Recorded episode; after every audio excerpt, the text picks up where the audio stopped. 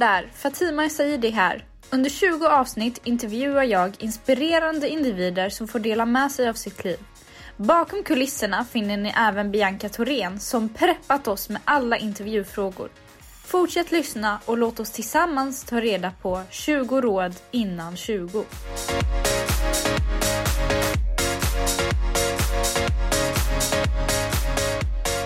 Det här är podden 20 råd innan 20. Mitt namn är Fatima Saidi och med mig idag har jag ingen mindre än Mona Amar Persson. Hej Mona! Hej! Hur mår du? Jag mår bra faktiskt. Så att, eh, nej men det känns bra. Soligt ute och här får jag vara. Så att, eh, nej men det känns bra och tryggt. Skönt att höra. Jag ser väldigt mycket fram emot det här avsnittet.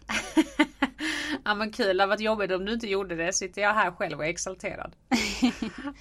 Vill du berätta lite vem du är och vad du sysslar med om dagarna? Ja, jag heter Mona då. Eh, jag är 32 och eh, jag är uppväxt i Helsingborg på Söder. Och jag jobbar idag som polis. Så jag jobbar som ingripande polis. Eh, fast sen en månad tillbaka så jobbar jag som utredare på brott i nära relation. Så där ska jag vara i nio månader. Det behöver man göra för en utvecklings utvecklingstermin liksom när man jobbar i yttre tjänst, vilket jag tycker är, nyttigt. Mm. Du håller undan på vissa saker. Du är mamma. Ja, det också. Och du driver ett Instagramkonto som är ganska känt. Mm, ja, det gör jag.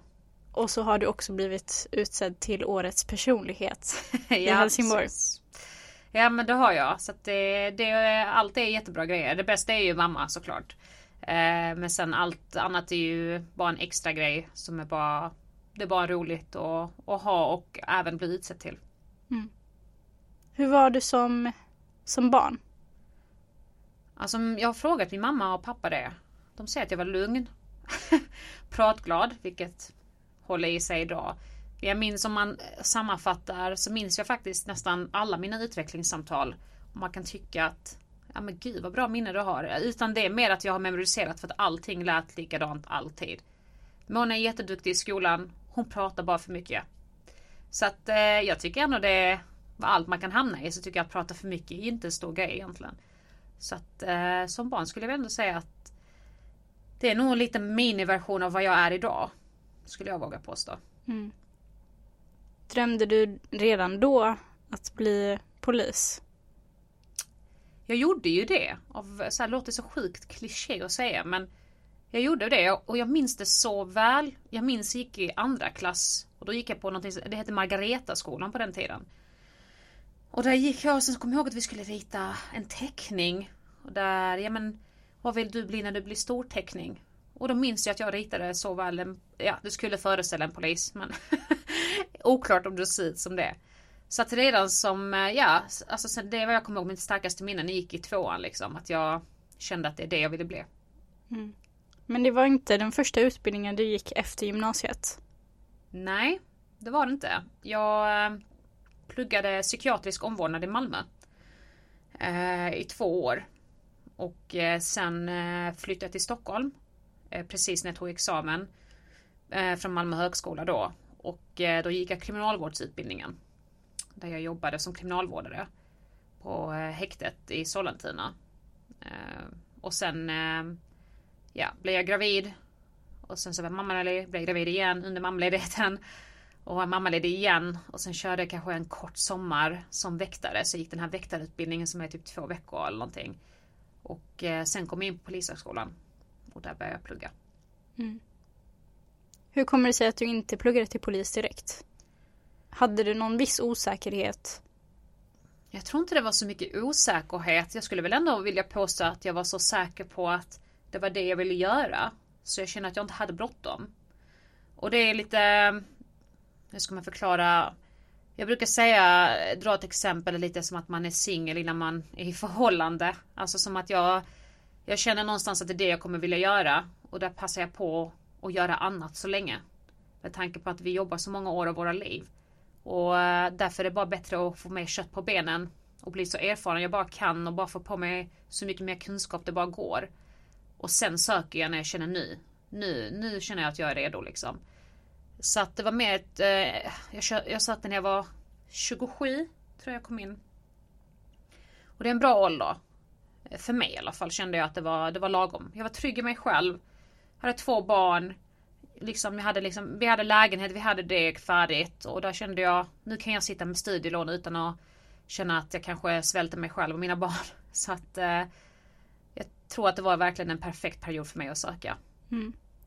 Vilka egenskaper eller vilka erfarenheter är bra att ha med sig om man ska bli polis? Jag skulle vilja säga det främsta är medmänsklighet. Det är ingenting man kan plugga till, såklart. Det är någonting man kan ha eller någonting man får lära sig att ha kanske. Eh, och också, vi alla har ju fördomar. Oavsett vad vi säger så har vi faktiskt det. Men det är ju någonstans att den fördomen får inte bli fakta. Du får inte agera på den fördomen och tro att det verkligen är så. Tankar är ju inte alltid verklighet. Eh, och sen är det ju såklart jättebra att vara insatt i vad som händer i världen. Inte bara här i Sverige utan samhället och runt omkring i världen också. Och juridik är ju alltid bra. Vad är det bästa med ditt jobb? Det bästa med mitt jobb? Oh, det är en bra fråga du. Det bästa skulle jag nog säga är variationen. Och eh, jag känner liksom att det är inom detta yrket jag får faktiskt chansen till att påverka. Om det så är en individ på ett ärende. Eh, Som det är så enkla grejer ibland och vi tror att det måste vara så otroligt avancerat för att faktiskt hjälpa en människa. Eller göra ett intryck eh, som att måste slänga oss framför en bil för att rädda någon för att vara hjältar. Men så är det faktiskt inte. Det är så många människor där ute som allt de behöver höra det är liksom jag, jag ser dig. Jag förstår att du har det jobbigt. Jag kan förstå varför vissa människor blir kriminella. Det är samma sak, jag kan vara på en stöld och förstå att jag, jag förstår varför du tog den här chokladen. Det är inte rätt. Men med tanke på vad du berättar så förstår jag att du, för dig i din värld anser du att du inte har något annat val. Och bara det att bli sedd och bli hörd eh, tror jag gör så sjukt mycket hos människor. Mm. Och få se den reaktionen eh, är den ovärderlig faktiskt. Måste du också jobba med att stänga av dina känslor? Jag tror att stänga av sina känslor är aldrig bra. Det är det, många tror att det är antingen svart eller vitt. Och det är ju inte det. Vi brukar alltid säga yrket är grått. Alltså det är verkligen, man är i gråzonen och jobbar. Eh, och jag tror någonstans att den här balansen mellan medmänsklighet och professionalitet. Så att jag kan ju vara medmänsklig och, och se att jag kan ju såklart se att någon lider kanske och någon är ledsen. Jag kan ju ändå trösta och säga jag förstår att du mår dåligt och finnas där som människa men jag måste ändå bibehålla professionaliteten och tänka okej. vad har vi att gå på? Jag måste utreda, jag måste kunna fotografera, jag måste fortfarande hålla förhör. Så att jag tror inte att stänga av sina känslor är den rätta vägen, absolut inte. Men att bibehålla professionalitet när det är som jobbigast.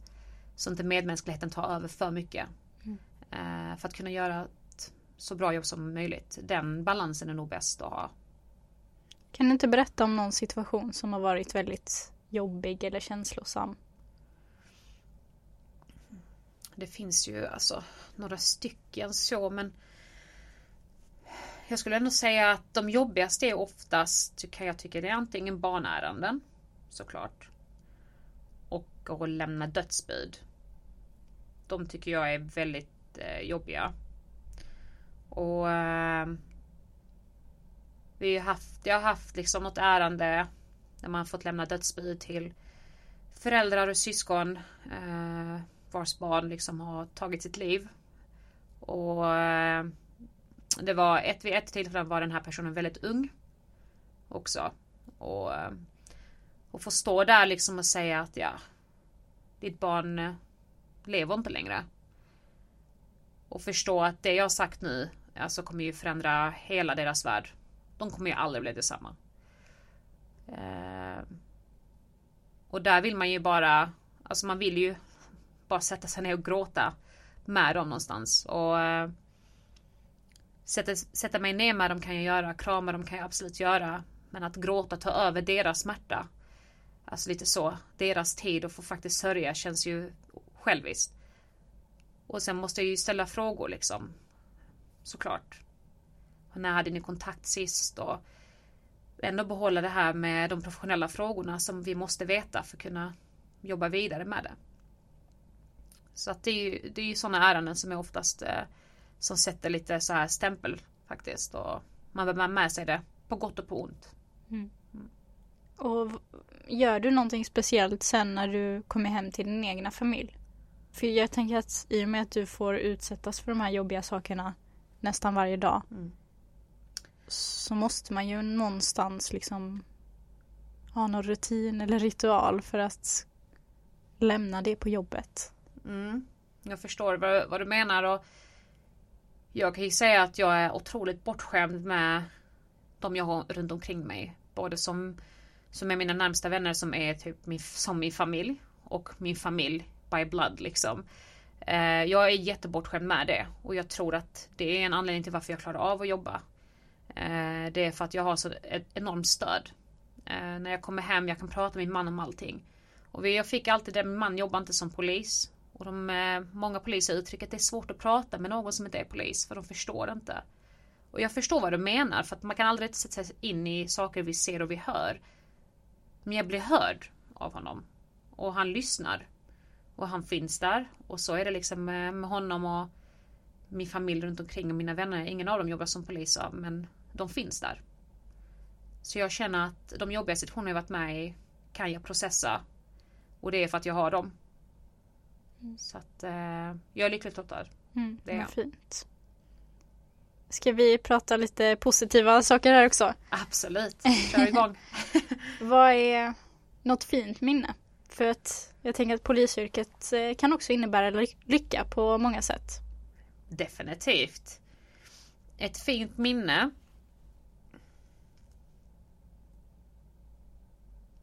Det här är en sån, kanske inte Ja, det, här, det här är faktiskt, den är sorglig men ändå fin på ett sätt.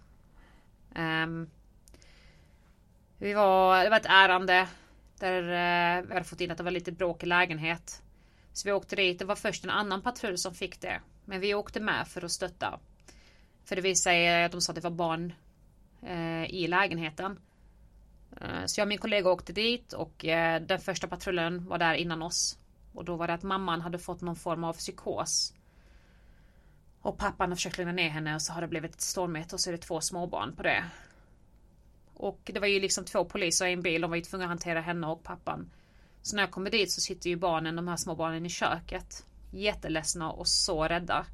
Vilket är helt förståeligt. Så jag och min kollega tar på oss liksom det ansvaret. Nej, men vi, vi tar hand om barnen. Och eh, på vägen upp så innan vi kom upp egentligen i lägenheten i och med att vi visste det var barn. Så både jag och min kollega har själva barn. Vilket är skönt. För att han förstår också liksom. Han brinner ju också för de här typen av frågorna och det som, de typ av ärendena. Då tog vi med upp eh, polisnallar som vi brukar ha i bilen. Och lite så här polistatueringar. Så vi gick upp där. Först ville de liksom inte ens veta av oss och var väldigt rädda. Vilket jag förstår, vi är ju främlingar. Men sakta men säkert kunde vi bygga det här bandet.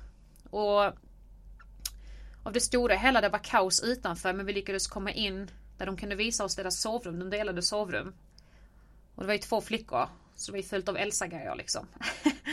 och det är min, jag har själv en dotter så jag vet den kärleken för Elsa och jag kan låtarna. Och det kunde han med för att han har också en dotter. Så att vi eh, bestämde oss för att göra ett litet disco i rummet medan kaoset höll på där ute. Så vi stängde dörren. Hade disco i rummet och det var som att för dem var det ingenting kaos där utanför. Utan det var där och då var det disco. Och det var Elsa vi skulle sjunga. Och det är, det är en sån sak som jag kan tycka att om man bara kan skärma av dem och få bort dem från det en liten stund. Bara stänga dörren. Och de kräver så otroligt lite barn. Eh, och det är ett sånt minne som jag faktiskt, det är inget stort, alltså egentligen i sig. Det har gjort det så här att vi har gjort en hjälteinsats eller man har brunnit i, man har fått barn i brinnande lågor liksom. Men det är de små grejerna som jag tycker gör så otroligt mycket och se dem från det att vi kom in, hur de liksom mer gick in i hörnet. Till att de faktiskt bjöd in oss i deras rum och där vi hade disco med Elsa. Mm. eh, Sådana saker är otroligt värdefulla. Gud vad kul. Ja men faktiskt. eh, om vi går tillbaka lite till eh utmärkelsen, Mm. Årets personlighet. Varför tror du att du fick den utmärkelsen? Så den frågan tycker jag är så sjukt svår. För att jag vill bara säga, jag har stor släkt, de har röstat, jag vet inte. jag, har ju, jag har ju liksom, ja, jag är ändå liksom, trots att alla äh, arab liksom har libanesiska krydor, vi är ofta stor släkt och massa syskon och stor, många vänner. Eh, som Så har vi röstat. Eh, men ja, ja, det är en svår fråga tycker jag, för jag, jag vet faktiskt inte. Men om jag får gissa så skulle jag väl ändå säga att det är för att kontot är väl vad jag vill anse lite annorlunda. Eh, det är inte ett vanligt poliskonto. Nu har vi gjort en hastighet. Och sen är det färdigt. Utan det är mycket mina åsikter såklart. Det får inte vara polisens åsikter utan det är mina åsikter. Men jag tror att människor har alltid känt det här vi och dem med polisen. Alltså skillnaden mellan medborgare och polis och vi är två olika separata grupper. Vilket det inte ska vara. Och jag tror många har en bild också av hur polisen ska vara. Hård, tuff och känner ingenting. Eh, men jag skulle även säga att jag får ändå med liksom eh, känslorna bakom uniformen. Lite det mänskliga och att jag ser och jag hör och jag kan tycka som ni tycker. Men jag måste ändå fortfarande göra mitt jobb. Eh, var det syftet bakom varför du startade kontot? Men det var det. Bland annat var det faktiskt det. Eh, och jag visste det skulle vara lite annorlunda och jag visste det skulle vara motgångar med tanke på att dels att jag är kvinna i uniform, vilket är lite annorlunda. Eller nu är det ju fler kvinnor, vilket är bra, men det är kanske inte är det vanligaste man, man ser oftast. Eh, och sen med min bakgrund och hur jag ser ut. Eh, finns det inte jättemånga poliser som ser ut så här liksom. Eh, som har utländskt påbrå. Eh, och jag visste att det var lite annorlunda. Så dels var det också för att jag fick ju väldigt många meddelanden också, kommer jag ihåg. Och jag har fått också att många tjejer med utländskt påbrå bara, kan jag också bli polis? Ja, men såklart du kan. Alltså, och krävs det att man ska bara kunna bära så här mycket? Eh, nej, det är inte så. Det där är bara påhitt. Det är bara fördomar som människor har haft. Jag vill visa att det är inte så som många tror. Och sen så fick jag, jag kommer ihåg när jag pluggade på polisutbildningen så sa de akta er för sociala medier. Det var verkligen så här varna oss för sociala medier. Och jag kände aldrig fick svar på varför. Och eh, jag nöjer mig inte med det då. Då kände jag, men då ska jag vara där. Då vill jag vara på sociala medier. För att visa att hur vi ska kunna sköta oss på sociala medier och vad man kan faktiskt uppnå på sociala medier. För att man ser bara farhågor men det positiva med sociala medier är att var finns folket? Det är ju där vi är idag. Ingen läser nästan tidningen. Alltså det, det är inte där folk får information. På gott och på ont är det ju faktiskt sociala medier. Och vill vi bli fler, vill vi nå ut, vill vi skapa det här vi och dem. Alltså att den känslan ska bort och vi blir bara ett. Då måste vi kunna visa vad det är vi gör. Så att man kan inte, om man inte litar på polisen. Varför skulle man ringa då? Om de, människor inte ringer, hur ska vi kunna jobba? Varför tror du att vissa människor är skeptiska mot polisen? Jag tror det finns många olika anledningar till det. Eh, så här, men vad jag har mött och fått höra så är det vissa som har haft dålig erfarenhet med polisen. Och sen tror jag någonstans att det har varit det här vi och dem känsla. Tror jag faktiskt. Eh, Jag tror inte må- eh, vi- och det är lite det här det är på gott och ont också för att jag Jag har mött många som så här som har en attityd i början och det är svårjobbat. Och så säger men varför, vad, vad är liksom, vad, vad är problemet med attityden? Har vi träffats för? Nej men du är polis. Det är svaret, du är polis. Och så säger jag okej, så jag men du har, du har en Louis Vuitton-väska. Det är som ni av de alltså knarklangarna jag har träffat innan. Men har du det? Har du, har du narkotika på dig? Nej. Men ska jag döma dig för att du har likadan väska som många jag har mött?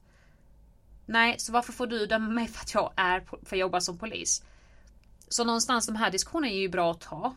Alltså det är inte bara nere i backen med någon som är det utan att förstå liksom att det grundar sig kanske i någonting. Sen är inte det alltid den grunden liksom till varför de är arga på polisen och inte vill ha med oss att göra. Den är ju inte alltid berättigad. Men den fin de anser ju det. Många. Sen tror jag vissa egentligen hatar polisen eller inte gillar polisen. vi förstör deras verksamhet. så vi gör ett bra jobb. Mm. Så det finns ju den balansen också ju. Men är det någonting som ni jobbar med? Att försöka, vad ska man säga, bli sams med befolkningen? Jag tror definitivt att sen jag började, och det var inte länge sedan, fyra år sedan, så har det här brottsförebyggande med arbetet och nå ut till medborgare och medborgarlöften som faktiskt finns, vad vill medborgarna? Har blivit mycket, mycket bättre. Vi har många områdesgrupper, många områdespoliser. Där vi jobbar i de här olika områdena och ska synas, ska höra, ska prata med människor. Och det är målet egentligen. Att förebygga i tid, innan brott sker. Och försöka öka tilliten, speciellt på ett område som Söder. Så att eh, jag tycker att man jobbar mycket bättre med det idag. Sen har vi en lång väg att gå. För att det har ju dröjt så otroligt länge såklart. Men vi har börjat. Och det är ju bra. Mm. Har du reflekterat någonting kring samhällsstrukturerna som finns idag? Jag tänker lite på så här. Varför finns utanförskap? Varför finns kriminalitet? Mm. Det där är en sån typ eh, miljonfråga.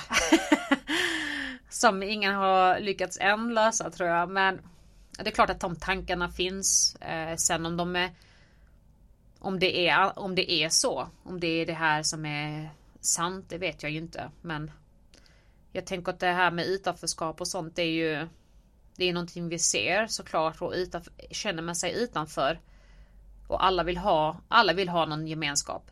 Eller alla vill bli sedda och hörda. Så är det ju.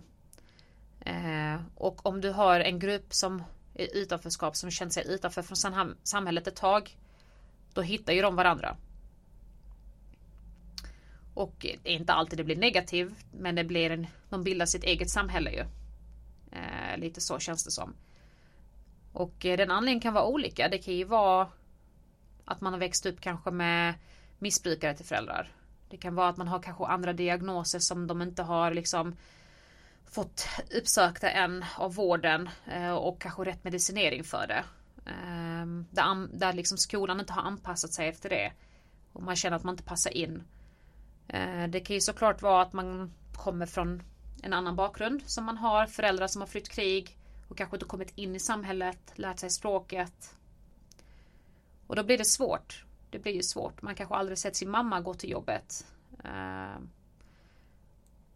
och jag känner att många också är så här, ja men Många älskar ju sina föräldrar väldigt mycket. Som är, alltså som är kriminella, det märker man. Och de vill försörja familjen. Um, och då tänker man att det är det enda sättet för mig att få snabba pengar. Och få tillhörighet, det är genom de kriminella vägarna. Och det är inte alla som vill vara där. Så att man får inte heller glömma det. Det är många unga människor som inte har valt egentligen att valt och valt men jag har svårt att se att en 15-åring, 16-åring väljer att ha och sälja narkotika eller ha vapen på sig eller skjuta. Utan det är ju ett eh, tryck som kommer uppifrån av eh, högre eh, uppsatta medlemmar oftast. Mm. Där man hotar deras familj. Om du inte gör detta så kommer detta hända din familj. Ja. Jag kan inte sätta mig in i den situationen. Och jag får vara lyckligt lottad att säga att det har inte hänt mig att någon har hotat min familj. Jag vet inte ens vad jag hade gjort. Jag hoppas jag aldrig befinner mig i en sån situation. Men det är många som är under den pressen. Många unga människor som är under en sån press.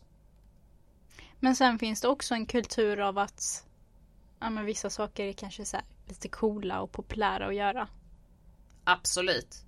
Och jag tror det är där, därför det är viktigt och då pratar jag om det förebygg brottsförebyggande arbetet igen. Och det är där jag kan tycka, inte bara polisen. Alltså man sätter mycket press på poliser också. Ni måste göra det här, vi måste ha fler, ni måste. Men socialtjänsten. Alltså skolor. Lärare. Sådana saker, alltså en samverkan mellan alla de här, alltså det, det är ju det som är det viktigaste. Det enda sättet att få samhället att funka det är att kedjan, hela kedjan funkar. Och liksom att och jag tror att det är sådana saker att man måste nå ut ganska tidigt till ungdomar. Jag kommer ihåg vad jag också tyckte var coolt. Jag tyckte det var så sjukt coolt. Jag tänkte jag skulle pierca ögonbrynet. För mig var det liksom, det gjorde jag aldrig, tack och lov mina föräldrar. Jag har dem att tacka för det men men att vi anser idag att det är coolt att ha narkotika, det är coolt att bära på en kniv, det är coolt att röka på. Det, det är just de sådana här sakerna vi måste prata om tidigt. Redan i tidig ålder. Och, och försöka få dem att förstå liksom, det är inte coolt. Och konsekvenserna som sker med de här sakerna man faktiskt tycker är coolt från början. Hur det kan eskalera. För att jag tänker ibland att det är som en uppfostran. om jag säger till min son, jag har en pojke också, om jag säger till min son det är okej att du säger håll käften till mig. Och när han har sagt det. Om han kallar mig idiot sen så är det ingen big deal för håll käften är ju så, så lugnt. Det finns ingen konsekvens med det. Och sen börjar det trappas upp. Och lite så funkar det som med narkotika om vi tar det som ett exempel. Ah, att tröka på, det är väl ingen big deal. Men säger inte det den effekten längre man vill ha. Det är inte coolt för att jag får inte den effekten. Och då börjar man med andra droger. Och sen så går det. Det är inte alltid så såklart. Men jag tänker att det är där man normaliserar saker. Som inte känns så farliga längre. Och sen så, det är inte coolt längre och då måste man gå upp ett, en nivå igen. Och då mm. blir det bara värre. Man hör verkligen hur driven du är kring de här ämnena.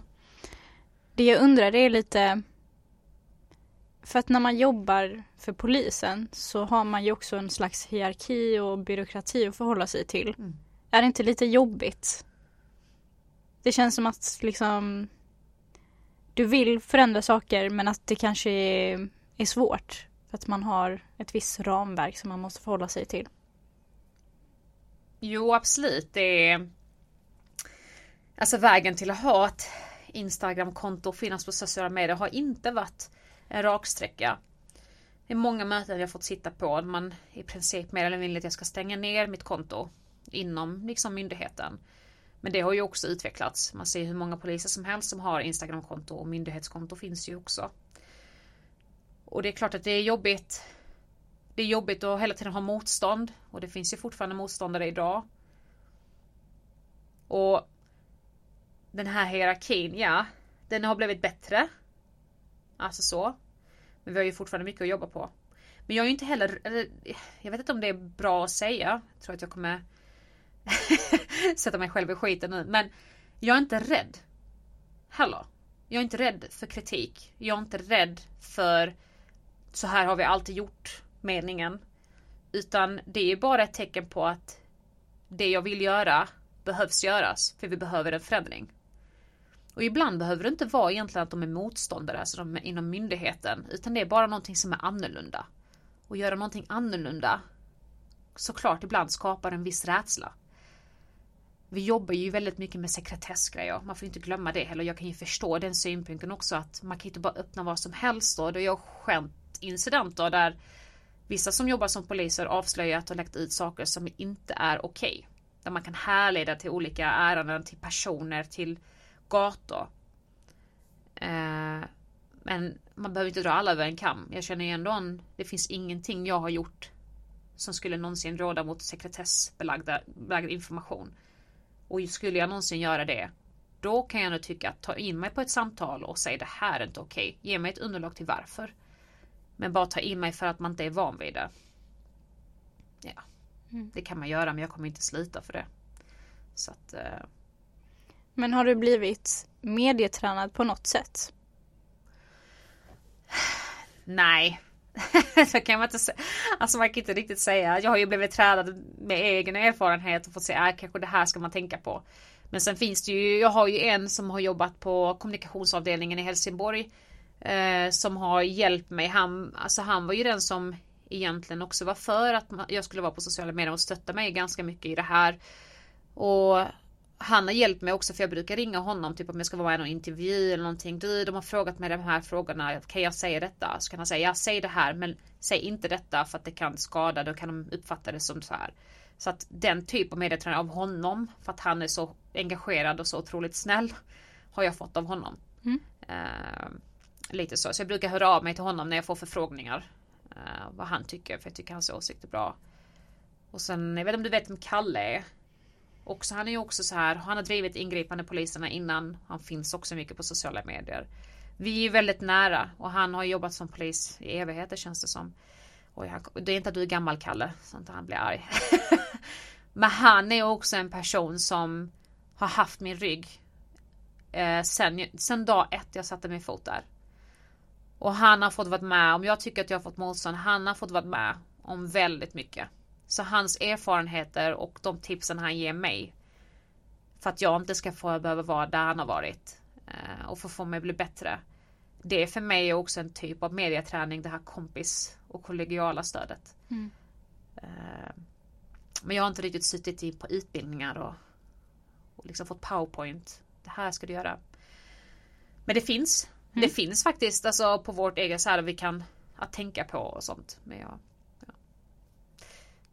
Yes. det tycker jag klarat mig okej ändå. Ja, men det tycker jag. Och då vet ni som lyssnar här att det är äkta vara.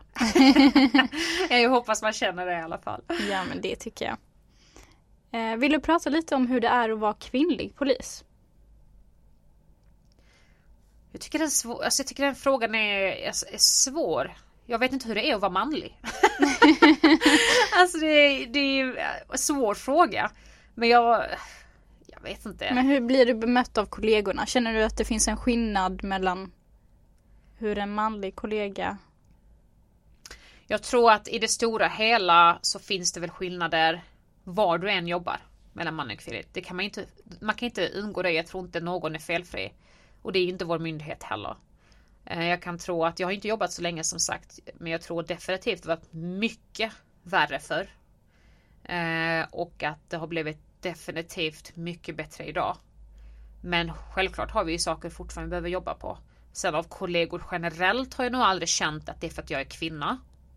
Sen kanske någon tänker det, men det är inget som rör mig. Men inom själva myndigheten och verksamheten så tror jag att vi självklart har frågor kvar vi behöver jobba med där vi kan bli bättre på jämställdhetsfrågorna. Eh, men vi har kommit en lång väg. Och av befolkningen? Aldrig känt någonting. Skönt. Kanske en gång där en man blev arg på mig för jag sa till honom. Eh, och så sa han någonting med att ni kvinnor ska vara hemma eller någonting. Men eh, uppenbarligen var jag inte hemma. Jag var ute och jobbade medan han var skitberusad. Så att, jag vet inte riktigt. Jag tror inte jag åt mig jättemycket. Det var mer synd om honom egentligen.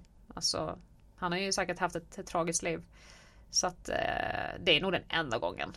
Alltså jag tror vi har fått en fråga. Åh, får tjejer också köra buss? De här polisbussarna. Åh, va? Typ så att det skulle vara en. Men det är inte. Alltså det är ingenting elakt. Det är liksom mer så här. Kanske någonting man inte har sett innan. Så att, men ute, nej. Faktiskt inte. Jag har blivit nog mer positivt eh, bemött ute. Eh, och sen om det är för att jag är en kvinna, det vet jag inte. Men eh, ute så nej. Ingen skillnad. Jag glömde fråga dig innan. Hur reagerade din familj och dina vänner på att du skulle bli polis? De har ju alltid vetat. så det var inte jättechock. Eh, nej men de är jättestolta över mig. Och stöttar mig. Alltså det. Det är aldrig någon... Min mamma... alltså min mamma är den roligaste som finns. Alltså hon är ju... Hon är liksom 1,60 liksom. Hon säger att hon är 1,60. Jag tror nästan hon är kortare faktiskt. Men hon är... Hon är ju orolig. Hon är stolt. Och hon är orolig. Och jag förstår jag tänker själv om min dotter eller min son bara, ja, vi ska också bli poliser. Jag vet inte vad jag hade känt. Om jag ska vara ärlig. Jag har nog känt som min mamma gör. ja, kul men typ så var försiktiga. Så hon är ju ständigt orolig. Och hon är ju mamma.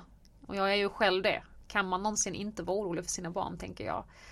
Så att, men hon är, så- hon är så härlig liksom. Jag har som sagt jobbat i fyra år och varje gång hon ser mig i uniform än idag så gråter hon. Och så börjar hon mashallah och hela det här. Så att eh, Men alla är stöttande. Superstöttande. Så jag, jag är glad och tacksam. Har du något sista råd som du vill ge till en 20-åring? Njut av livet. Faktiskt. Och var inte rädd. Var inte rädd för att bli dömd. Så skulle jag vilja säga. Fördomar finns alltid. Och vad vi än väljer att göra i livet så kommer någon vara missnöjd.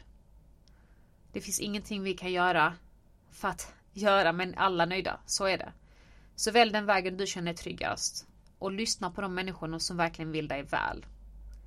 Alla utanför, allting runt omkring människor som själva inte egentligen skulle vilja dig väl. Det är ingen åsikt som ska röra dig. Och bara embracea livet. Det finns mycket skit där ute men det finns väldigt, väldigt många fina saker vi måste faktiskt också börja uppskatta. Och eh, det går fort. Så njut. Tack så mycket Mona. Tack själv.